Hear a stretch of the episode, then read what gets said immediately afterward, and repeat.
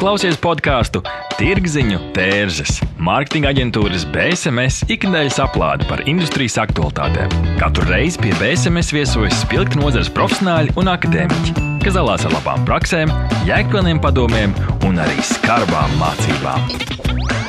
Aiziet! Šodien Tirziņu tērzes studijā Inta Buša un Denis Ševeļovs. Esat sveicināti mūsu 12.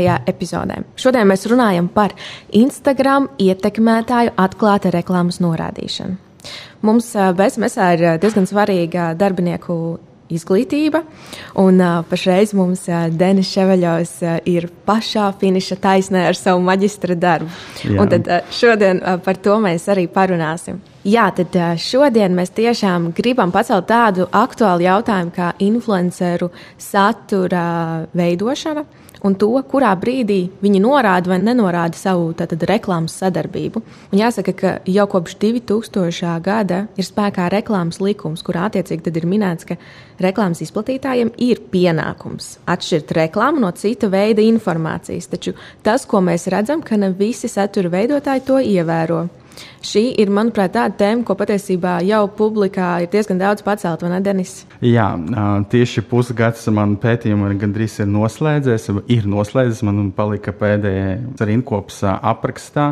Secinājumi galva jau ir izdarīti, vienkārši vajag salikt uz papīra, un tieši šodien es arī iesniegšu savu gala darbu uh, novērtēšanai. Un lielākais jautājums vispār bija, man gribējās uzzināt, kopš īpaši sāku strādāt BSMS, vai slēpt reklāmu influenceram ir jēga un kāda ir. Un es gandrīz, nē, es gandrīz esmu at, atradis atbildes šo jautājumu.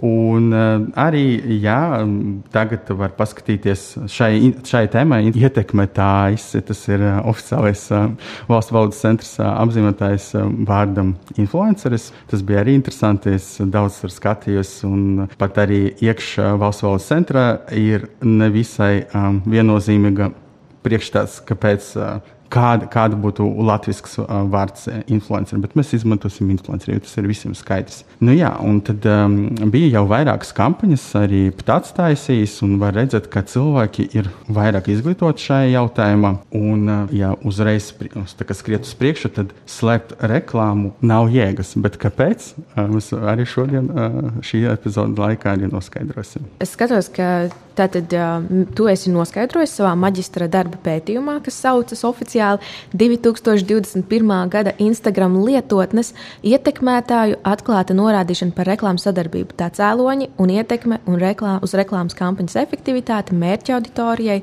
Latvijas sievietes vecuma grupā no 25 līdz 40 gadiem. Pasaki, kāpēc tieši šī Latvijas sabiedrības daļa? Vispār, ja pētīt kopumā Latvijas sabiedrībos priekšstātu par šo tieši tēmu. Tas, es domāju, ietu vairāk ārpus jau maģistra darba ietveros. Un es izvēlējos tādu izlasi tīri tā, tāpēc, ka šī ir grupa, kas vairāk pirmkārt ir pārstāvēta paša Instagram, vairāk lietotāji ir tieši sievietes vecuma no 25 līdz 40 gadiem, un tie ir arī aktīvākie ātras patēriņas produktus patērētājs. Tieši tāpēc. Es skatos, ka tavā pētījuma daļā mēs tagad ejam cauri Denisa maģistra darbam. Tātad, jā, es skatos, ka tiešām lietotāju pārdomu platformās atšķiras, bet lielākā daļa, vismaz pēc taviem datiem, izmanto platformu nevis lai paši kaut ko publiskotu. Viņi to dara reti, varbūt reizi mēnesī no sērijas ielikšu, lai par mani neaizmirst, lai, lai man tur ir kaut kas bet viņi visdrīzāk skatās citu veidoto saturu. Kāpēc, tavuprāt, ir tāda tendence? Šeit es savā darbā to tieši nepētu, kāpēc viņi tā dara. Es tikai noskaidroju, ka viņam tiešām patīk vairāk vērot un šādi kaut ko publiskot. Arī bija interesanti noskaidrot, kā cilvēkiem sievietēm šī gadījumā ir konts, bet viņi to neizmanto. Tie ir 3%. Nu, lūk, es domāju, ka vispār satura veidošana, kā mēs jau esam varbūt paši uh, savā empiriskā līmenī sapratām, ka nav tik vienkārši. Tāpēc uh, pēdējo gadu to ietekmētāju vai, vai pat uh, satura autoru daudzums īpaši uh, nepieaug. Mēs redzējām to milzīgu uzplaukumu. Šo mēs arī varam atcerēties, varbūt, kad parādījās YouTube. Atcerieties, ka bija, bija ļoti daudz youtuberu, un viss taisīja saturu, ne ļoti kvalitatīvu, un ar laiku tas, tā latiņa uzreiz, pat, nu, uzreiz pakāpeniski cēlās, tagad ir lielas prasības no pašiem um, sociālo mediju patērētājiem pret satura kvalitāti. Nu tā, tāpēc uh, arī tas nav tik vienkārši. Mēs, uh, mēs redzam, ka ja, daža, dažādi satura autori un influ, influenceri piesaista profesionāļus satura veidošanai, kā fotogrāfus, videogrāfus, stilistus, grīmu māksliniekus aicina kaut kādus citus interesantus cilvēkus. Citi varbūt arī pieaicina tekstā korektorus un redaktorus. Līdz ar to vieglāk, protams, ir skatīties. Tātad pēc taviem datiem cilvēki Instagramā ir vairākas reizes dienā 51%. Tātad lielākā daļa 25% katru dienu ieiet Instagramā, 11% vairākas reizes nedēļā. Un tad arvien mazāk, jā, kā jau teici, 3% ir konts, bet viņi vispār neizmanto 3% vairākas reizes mēnesī, 1% vienu mē, reizi mēnesī un tā tālāk. Kā tev prāt, tu varētu komentēt šos datus? Vispār es arī paskatījos to korelāciju starp nodarbi, izglītības līmenim un, un arī respondentu dzīvesvietas. Un jo urbanizētāks respondents ir, jo viņam ir lielāka izglītība un nezinu, augstākie amati, jo vairāk laika viņi pavada Instagram. Un vismazāk laika pavada Instagram, ko es nevaru noskaidrot, varbūt arī aicinu arī mūsu klausītājus pievienoties diskusijai. Ir zemgala. Vispār zemgala bija ļoti krāšņi atšķiras no visiem pārējiem reģioniem. Tur cilvēki gan mazāk pavada laiku, viņi mazāk postē, viņi mazāk meklē iedvesmu tieši šī lietotne. Un uh, arī es uh, gribu jau uz priekšu, vienkārši tik daudz interesantu faktu, man tāds sajūta, ka. kā esmu gandrīz aizstāvēšana, bet nē, vēl es pajautāju, tas ir atkal, labi, es pateikšu tagad, tas ir ļoti interesanti. Es arī pajautāju, cik daudz cilvēku skatās influenceriem, kuriem viņi neseko, jeb stalko. Un šādu ir 16%. Visvairāk tādu cilvēku bija 7% ir no kurzemes, un vismazāk, divreiz mazāk bija no zemgales. Tas ir arī jautājums, kāpēc viņam neinteresē, kas notiek uh, influenceru dzīvē. Zemgale arī mazāk seko influenceriem. Bet tas nozīmē, ka viņi neseko, bet viņi ik pa laikam aiziet uz šo Instagram ja, influenceru kontu un tad pastāvko. Šādi ir 16% kopumā Latvijas populācijā. Un visvairāk tādu cilvēku, kur tieši no kurzemes, tur ir 17%. Un zemgalē bija divreiz mazāk. Tā kā zemgaliešiem mazāk lūr, kas notiek in, influenceru dzīve, kuriem viņiem neseko. Jā, es skatos, ka tātad, ja mēs vispār paskatāmies uz auditoriju, tad tikai tātad, intervētajā auditorijā dalās gandrīz divās daļās tur raksti, un kad runa iet par sekošanu influenceriem, tikai nedaudz virs puses, 54% tiem seko. Kādi ir populārākie influenceri Latvijā, un kāpēc, kāda vispār ir iemesla, kāpēc sekot vai nesakot kādam influencerim? Nu, es arī atveršu tabulu, man viss ir sakalkulēts. Tad, tad, arī tiem, kas ir ļoti interesē ietekmētāju uh, tirgveidība, jeb influencer mārketings. Tad uh, populārākā uh, satura autore sieviešu starpa vecumā no 25 līdz 40 gadiem ir Elīna Digriksone. Viņai seko gandrīz 60% respondentu. Mēs arī varam redzēt, ka viņai kopējais sekotāju daudzums man šeit ir tuvi 80 tūkstošiem tad mēs arī varam saska saskaitīt proporcionāli. Un šeit, kas arī man patīk, šie dati šoreiz, arī šoreiz Norstats palīdzēja ar datiem, varam salīdzināt, ko saka mums Instagram, ko saka mūsu auditora um, aplikācijas un ko mums saka aptaujas. Un tad šāda veida mēs varēsim dabūt to vidēju. Un to, ko saka Instagram un auditorija, principā ir ļoti tuva tam, ko saka respondenti. Bet mēs arī atceramies, ka respondenti reizēm saka to, ko mēs gribam dzirdēt. Bet šeit es principā ticu viņam. Nākamā populārākā satura autore ir Kristīna Virsniete. Viņa seko 38% no respondentiem. Un tad trešajā vietā ir Paula Freimane ar 28%. Protams, ir arī Rūta Dvīnska, Ieva Florence un Kristīna Zenīte. Viņai seko katrā piektā uh, respondente. Un tad bija arī nosaukti Zana Našķoties, Zana Grē, Grēviņa, Katrīna Sauliete, Reners Zeltiņš un Maija Armaņo, kuris seko 7,2%. Un tad atkal pie tā mana jautājuma, tad, kuriem neseko, bet skatās, ko dara tie 16%. No tiem 16% lūra 37% Elīnai Dītriksonai, tad uh, katrais trešais uh, Samantai Tīnai, arī Katrīnai Saulītei, un tad katrais piektais Kristīnai Virsnetē, Ievai Florencē, Rūtei Dvinskai. Paulai Fremene mazāk ir 10%, un Mai ar Maņu ir 10%. Tad šeit arī var kaut kādus uh, secinājumus izdarīt. Ir it kā ir tādas ietekmētājas. Es jau esmu tāds uh, termins, influenceris, kuriem seko visi, un vēl ir daļa, kuriem viņam neseko, bet tik un tā skatās. Un tad parāda principa, ka Elīnai Digriksonai seko gandrīz visas. Sievietes vecuma no 25 līdz 40 gadiem. Un viņa arī veiksmīgi izmanto šo. Viņa pašai ir pieejams uh, veikals, gan tiešsaites, gan, uh, gan fizisks.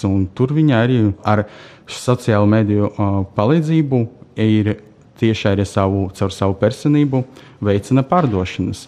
Un tad mēs varēsim salīdzināt, kāds, cik tas ir veiksmīgi vai nē. Un papildus visam tam viņa vēl ģenerē kaut kādu publicitāti. Un tas um, varbūt ne šī epizode tēma vai topiks, bet varētu padomāt, ja jūs esat nelielu biznesu īpašnieki, tad apsveriet domu vispār kļūt par tā biznesa seju un uh, arī izmantot savus sociālus medijus, lai to virzītu tālāk, stāstītu. Es tieši nesen par šo runāju arī vienā podkāstā. Un, uh, man atkal tas viedoklis ir nedaudz atšķirīgs. Jo, redzi, man liekas, ka ir nedaudz jānodala tas uh, biznesa no privātās dzīves. Ja es sekoju personīgi cilvēkam, tad uh, nu, vai tas saturs sakrīt. Ja mēs runājam no tādas uzņēmēja darbības viedokļa, varbūt Elīnas Digriksons gadījumā tas viņas veikals un tas zīmols Butterfly ļoti labi sapas ar viņu personīgo dabu, un, un tas viss tā dabiski sajiet kopā.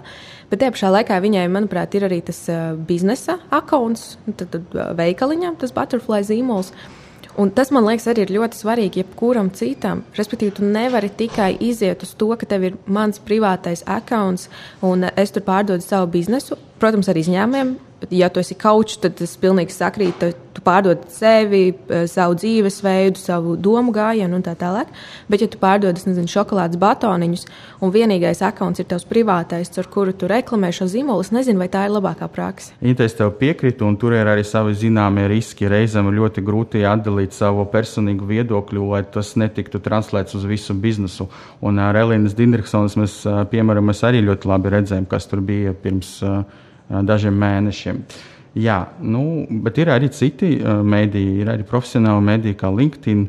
Varbūt tas ir arī nākamo studentu maģistra vai bakalaura paudzes pētījums objekts ir pašai LinkedIn, vai tur ir kaut kādi savi ietekmētāji? Mēs redzam, ka populārākie iemesli, kādēļ pēc tava pētījuma influenceriem sekot, pat ne influenceriem, influenceriem, jo mēs principā noskaidrojām, ka visbiežāk sievietes seko tieši citām sievietēm, influenceriem, ir visbiežāk 73%, jo patīk saturs. Pēc tam 55%, jo influenceris orientējas mani interesējošā tēmā, 48% saka, jo attēlotais dzīvesveids mani personīgi uzrunā, 33% jo uzticos viņu viedoklim, un tad 6% ja nepieciešams darba vajadzībām, un tad 4% jo seko mani draugi. Kā tu vērtētu šos datus? Nu, jā, šeit arī bija interesanta tendence, ka ļoti maz cilvēku atbildēja salīdzinājumā ar populārākām atbildēm, kā viņi uzticas tie viedoklim. Un šeit mēs arī redzam uh, ļoti lielu korelāciju starp uh, izglītību un vecumu. Jo vecāka un izglītotāka auditorija ir, jo mazāk viņi uztic tieši reklāmam un viedoklim, ko, ko pauž influenceris savos Instagram kontos. Un arī proporcionāli pretēji, jo jaunākā auditorija un mazāk izglītotāka, tad viņi vairāk tic. Un šeit arī redzams, ka tas pieaugušas nopietnas sievietes, kur ir arī vadītājs pēc aptaujas datiem, vairāk saka, ka viņam patīk saturs un negrib pateikt, kā viņi uzticas tam. Tas arī tāds interesants moments. Pa lielam šo vajadzētu arī pētīt um, dziļāk ar eksperimentu palīdzību, bet tendence ir šeit skaidrs. Varbūt es arī paskatījos, tur ir kas vecumam ir raksturīgs, ir, ar ko atšķiras cilvēks ar augstāko izglītību, kuram ir 25 un 40 gadi, ir, protams, pieredze. Tie uh, cilvēki, nu, sociāla mēdīja, Instagrams ir jau ar mums nu, tādā modernā izpratnē gadus piecus noteikti. Un, jo vairāk to lieto, jo vairāk tu redzi un saproti, kur ir reklāma slēpta, kura nav. Varbūt es gribu ticēt, ka arī kontrolēšanas iestādes ietekmē bija kaut kāds sniegums, kā kampaņas. Par šo arī runā eksperti. Manā maģistra darba ir ne tikai šī aptauja, es arī runāju ar ekspertiem, ar, ar mūsu kolēģiem no citām aģentūrām, ko viņi domā, ja tas būtu korekti, protams, un arī ko domā biznesi paši. Ar tādu arī parunājos. Un pa lielām visi piekrīt, visi industrijas dalībnieki piekrīt, kur esmu aptaujājis. Un, protams, kā izlase bija arī tie bija lielākie, relevantākie pašai mērķa auditorijai, 25, 40 gadi, un viņi bija arī labākie radītāji. Visi piekrīt, ka esoša likumdošana regulē ietekmētāju reklāmu. Tur nav nekādu pārpratumu. Vienīgais varbūt ir jautājumi dažiem bija, kā to labāk apzīmēt, reklāma vai sadarbība, bet tāds noteikti uzskata, ka viss, par ko tiek maksāts, ir reklāma. Un citu veidu to apzīmēšana ir patērētāja maldināšana, kas ir pret likumu. Un arī bija ļoti interesanti, tas ir uh, ietekmētājiem, influenceriem, kuri klausās. Tad ptācam arī nepatīk, ja jūs ieliksiet hashtag ed vai reklāma paša, paša posta apakšā pēc garā apraksta. Un tas ir arī cits jautājums. Es pamanīju, ka sekoju dažiem um, yes, ietekmētājiem, influenceriem. Šis vārds ir iegājis galvā uh, no Vācijas. Tur ir jebkura reklāma, sakas ar capslokiem, ansaiga, jeb reklāma. Visu laiku, jebkura komunikācija. Un tam arī mans pētījums atklāja, ir ļoti skaidrs iemesls. Cilvēkiem vispār ir grūtības atšķirt reklāmu no reklāmas. Man bija 30 ekrāna šāviņi, un visi tas 618 eh, respondents es palūdzu pajautāt, novērtēt, vai tā ir reklāma vai nav reklāma. Un pat ja ir norādīts reklāma hashtagos, ne ļoti garē teksta, 30% uzskatīja, ka tā nav reklāma. Tas ir ļoti daudz. Bet tad, kā, apkopojot to, ko tu teici, no tādiem tips un triks, tad divas lietas. Pirmkārt, ja, ja tā ir sadarbība, tad tu vienalga neliec hashtag sadarbību, tu joprojām liec reklāma. Tas ir šeit sākas interpretācijas. Ja tev par to ir samaksājuši nauda vai grauda, tā ir uzreiz reklāma. Pēc tāds un uh, likumdošanas interpretācijas. Un pa lielam, kā tāds doma, tā arī jābūt. Un otra lieta, tātad neliekam apakšā, neliekam beigās, maziem burtiņiem, liekam redzamā vietā un sākam ar to. Tā būtu mana rekomendācija vai secinājums, ko es uh, drīz uzrakstīšu uz papīra. Bet pats tāds vēl to nesaka. Bet, ja papētīt, ko dara Eiropa un citi, citas tirgus, tad tas ir pieprasījums, jo tieši pats patērētājs nevar, viņam ir grūtības atšķirt reklāmu un nereklāmas. Un tas ir diezgan greizi. Un, protams, tur ir arī cita uh, lieta, jo mazāka izglītība uh, vai jaunākie lietotāji, tas uh, viņi kļūdas vēl vairāk. Un par jaunākiem lietotājiem tu domā nevis gados jauni, bet viņi ir uh, nepieredzējuši vai mazāk laika Instagram, vai ne? Šeit man grūti pateikt. Palielam man ir liela grupa, tie ir saucami mīlīņāļi, bet es pētījumu sadalīju viņam uz 3, 25, 30. 29, 30, 35 un 35, 40. Šāda veida. Bet kopumā tik un tā, un arī tur daži sociologi viņi apvieno vienā paudzē. Man arī liekas, ka tajā brīdī, kad bija tā kampaņa par apmaksātu saturu, par reklāmu, tas ļoti daudz ko iedeva nozarei. Jo es nezinu, vai par to bija tik tā skaļi līdz tam vispār runāts. Un tad man te jautājums uzreiz tev pētījumu ietvaros. Ir, Vai tev izdevās iegūt informāciju par to, vai ir tādi influenceri, kuri slēpj ka šī ir reklāma. Par šo pēc neliela pārtraukumā. Tirziņa tērzes - tas ir vērtīgs saturs mūsdienīgam mārketinga speciālistam. Neatbildami jautājumi, sarežģīti lēmumi. Sazinies ar Norstat. Mēs palīdzēsim. Norstat.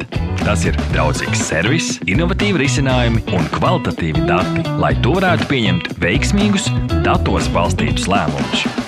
Pievienojies vairāk nekā simts Latvijas uzņēmumiem, kas uzticas vadošajam datorisinājumu nodrošinātājam Ziemeļeiropā.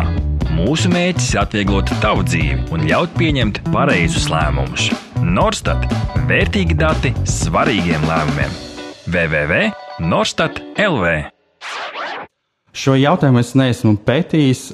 Protams, tas varētu būt izdarāms ar kvalitatīvu analīzi, bet Inta šeit ir problēmas. Kā es pierādīšu, kad influenceris saka, ka tā nav reklāma, tā ir patiesība reklāma. To es nevaru izdarīt. Tas ir iespējams tikai ar eksperimentu. Un, es arī veicu pilotu eksperimentu, vai paskatīties, kādas ir tendences. Arī atbilde ir tāda, ka baigas atšķirības nav efektivitātei tieši es gribu jautāt, nu, es, mans galvenais jautājums ir, vai ir jēga slēpt reklāmu vai nav. Daži, principā, tad es arī runāju ar tiem um, mūsu kolēģiem, viņi teica, ka agrāk kaut kādi biznesi teica, ka labāk paslēpt reklāmu, jo vairāk uztic. Bet uh, mans pilota eksperiments un arī Eiropas veikti pētījumi norāda, ka uz klikšķiem tas principā nemainās. Ja tev ir uzticas auditorijai, tad viņa patērēs tev gan reklāmas saturu, gan parasto redakcionālu vai, vai na natīvu. Teiksim.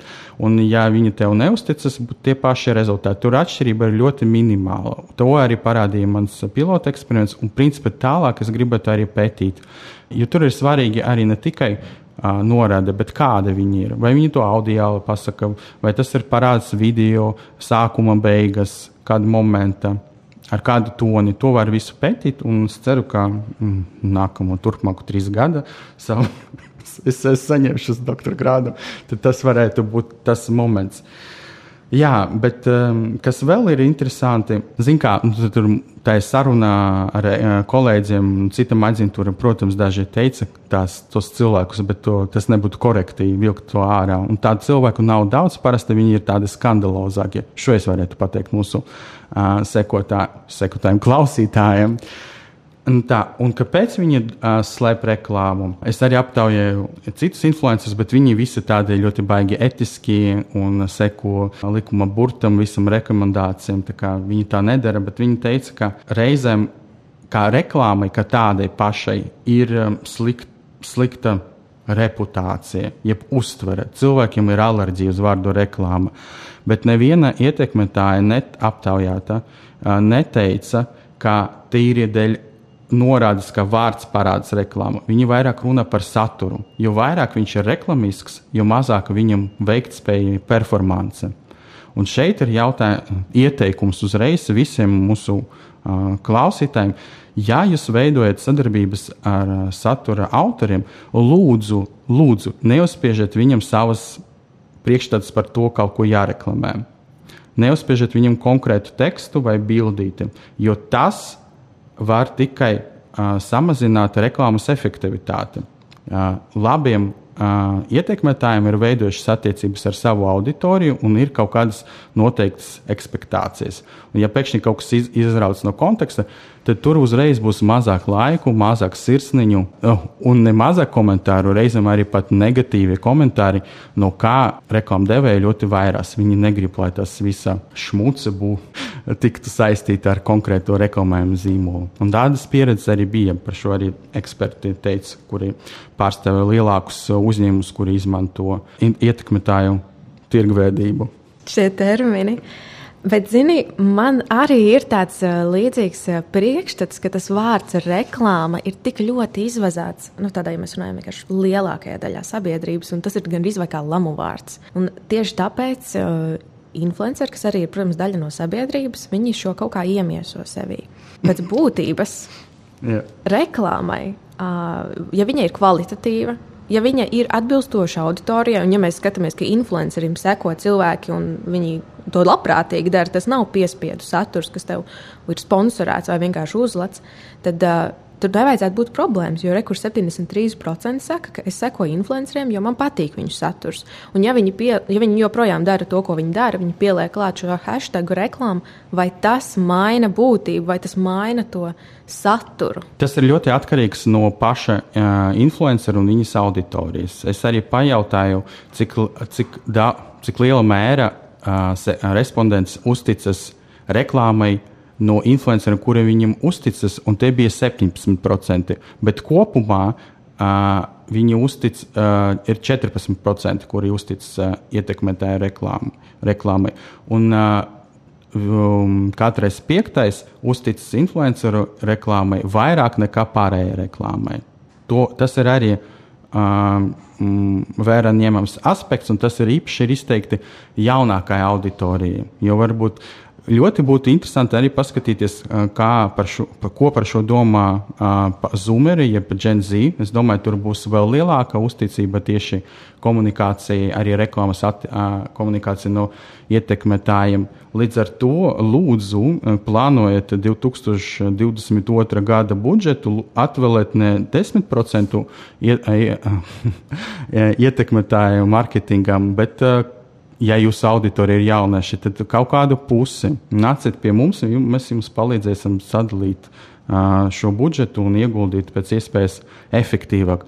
Jo tagad man ir vēl dziļāki dati par šo, kuri da, ir pieejama šeit, pie mums BSMS. Jā, man liekas, es tiešām piekrītu tam, ko tu teici, ka ir svarīgi, ka influenceris pats to savu saturu veido. Ja viņš veidot uz savu Instagram kontu, tad kāpēc to reklāmu postu arī neveidot viņam pašam, vai ne? Nu, tā vajadzētu būt. Ja mēs izvēlamies influenceru, mēs viņam uzticamies līdz galam.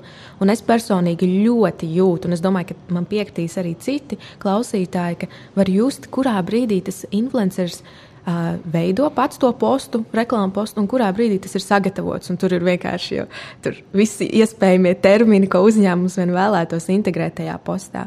Un to var ļoti sajust, un es domāju, ka to arī sekotāji jūt. Tas arī ne, nu, noteikti nav šeit runa par autentisku saturu. Jā, un tas ir arī um, par attiecībām ar pašu auditoriju.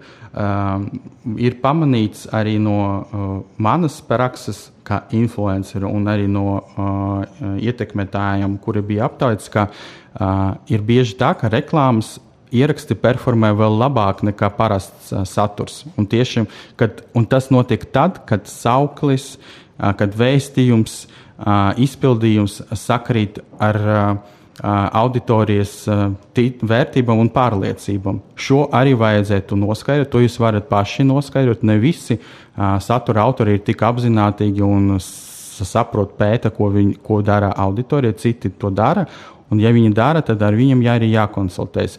Ja viņi to nedara, tad uh, ir vajadzēts pie, uh, priekšpētījums, izpētē, paskatīties, kāds ir saturs, ko dara. Tas prasa laiku, protams bet šāda veida mēs varēsim uh, dabūt lielāku uh, ROI. Lēnām finšējot šo sarunu, Denis, saki, no tava maģistra darba un visu pētījumu, un arī mūsu šīs sarunas kopsavilkumā par tātad, šiem rezultātiem, kādi ir tie galvenie secinājumi un ko darīt lietas labā? Tātad reklāmu slēpt jēgas nav. To uzreiz atkodīs izglītotākie un vecākie sekotāji, un tas ietekmēs rep, paša ietekmētāja reputāciju, un viņi mazāk ticēs. Tāpēc tas ir numurs, iemesls numur viens, kāpēc pašam ietekmētājam un reklāmdevējam vienmēr jānorāda, ka tā ir reklāma. Ja tā ir godīga komunikācija, tai reklāmai ticēs vairāk nekā vienkārši parastai reklāmai. Uh, Problēma, protams, ir ar cilvēkiem, kuri ir jaunāki un ar mazāku izglītību. Viņi nevar nošķirt reklāmu no reklāmas, un viņi arī pat kļūdas. Un arī viņi grū, viņam grūti paši novērtēt, vai viņi uzticas tai reklāmai vai nē. Tas arī bija diezgan um, alarming. No šīs uh, seko otrais ieteikums. Uh, ka visam valsts komunikācijai šai jautājumam vajadzētu būt vērstai uz uh, jaunāku auditoriju, lai, lai no skolas laikiem uh, mēs varētu būt vairāk izglītoti uh, vispār šai jautājumam. Sen jau runa un jau eksperiments, eksperiments par to mediju prātību, par fake news. Es uzskatu, ka šī uh, vajadzētu būt iekļautam skolas programmā, un tajā arī vajadzēs apskatīt ietekmētāju komunikāciju. Un trešais ir, um, tas ir vairāk varbūt mūsu industrijai. Lūdzu, dodiet vārdu pašiem uh, ietekmētājiem, dodiet viņam radošu kontroli, un tad jums būs labāki rezultāti jūsu reklāmas kampaņām. Paldies, ka bijāt uh, šodien ar mums šajā epizodē, un tiekamies nākošajā nedēļā. Paldies, ka klausījāties BSMS podkāstu Tirziņu tērzes. Aplādi ar labām praktiskām, jēgpilniem padomiem un skarbām mācībām. Patika epizode? Dalies sociālajos medijos, ir idejas tēmām vai viesiem? Raksti mums! Tās bija tirgziņa tērzes. Tiekamies nākamnedēļ!